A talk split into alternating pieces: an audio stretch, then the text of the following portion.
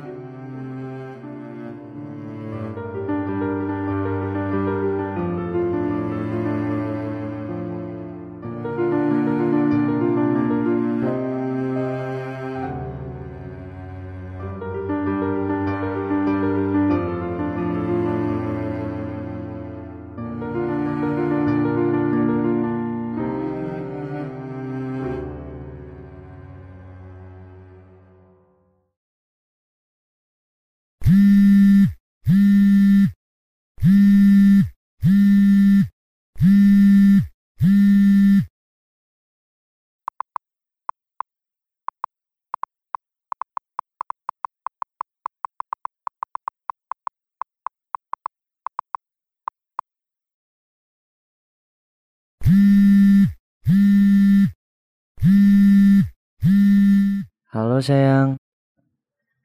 Halo, sayang. Baru bangun ya? Iya, ada apa sayang? Semalam aku mimpi lagi. Mimpi bapak ibu. Mereka tersenyum, kemudian menangis seperti ingin mengatakan sesuatu. Ketika aku dekati, tangisannya makin jadi. Aku takut.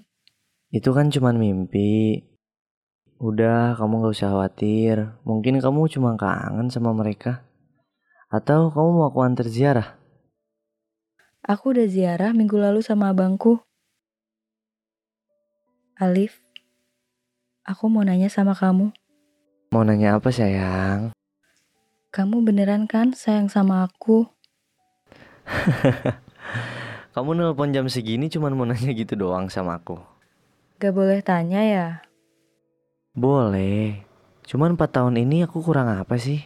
Aku selalu ada buat kamu kan? Aku juga perhatian banget sama kamu. Iya, tapi hubungan kita ini arahnya mau ke mana? Maksud kamu? Mau sampai kapan kita kayak gini terus? Oke, aku mulai paham maksud kamu nis.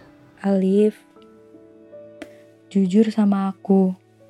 Kapan kamu mau nikahin aku? Jujur aja, bukannya nggak mau. Cuman kalau buat sekarang aku belum siap nikah. Kamu sebenarnya kenapa sih nis? Liv, selama empat tahun ini, kamu emang perhatian, terlihat sayang, terlihat peduli.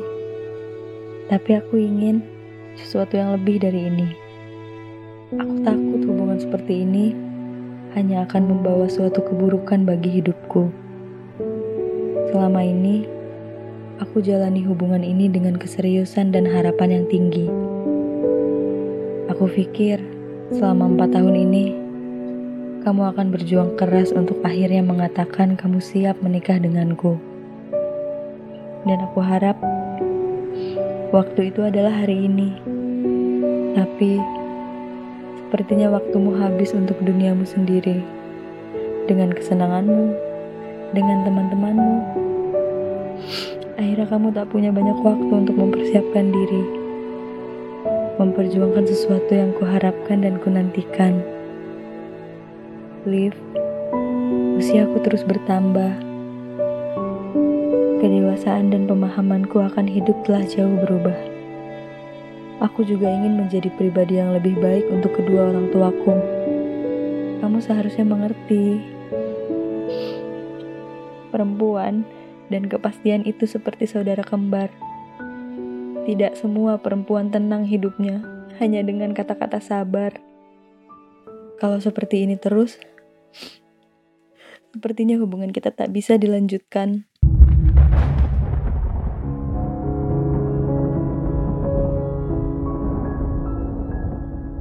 Anissa menutup teleponnya. Lalu tak merespon apa pun usaha yang dilakukan oleh Alif untuk menghubunginya. Hingga pada keesokan harinya, Alif memberanikan diri untuk mendatangi Anissa ke rumahnya. Dengan tekad paling kuat yang ia punya, dan nyawa yang nyaris tak merasa kalau keinginan Anissa lebih kuat dari dirinya dan tekadnya.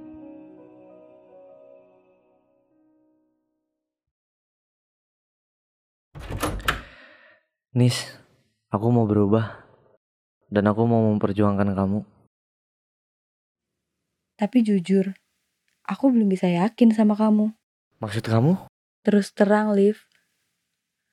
Apa menurutmu kita sudah benar-benar saling mengenal?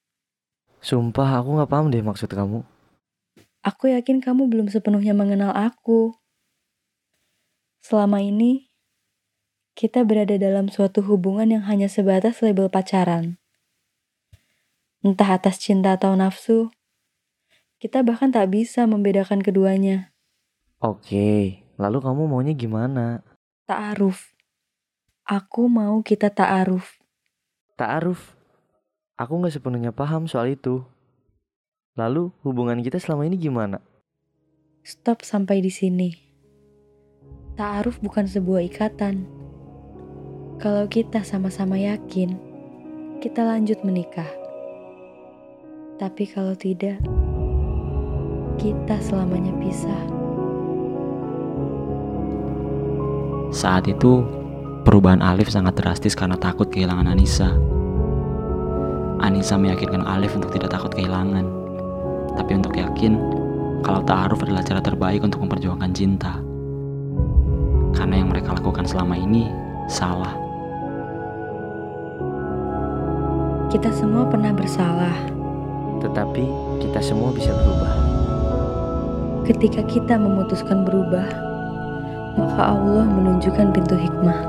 Ketika kita memilih satu jalan kebaikan, maka Allah memberikan jalan kebaikan yang baru. Allah yang maha baik, jaga cinta kami selalu dalam lindunganmu.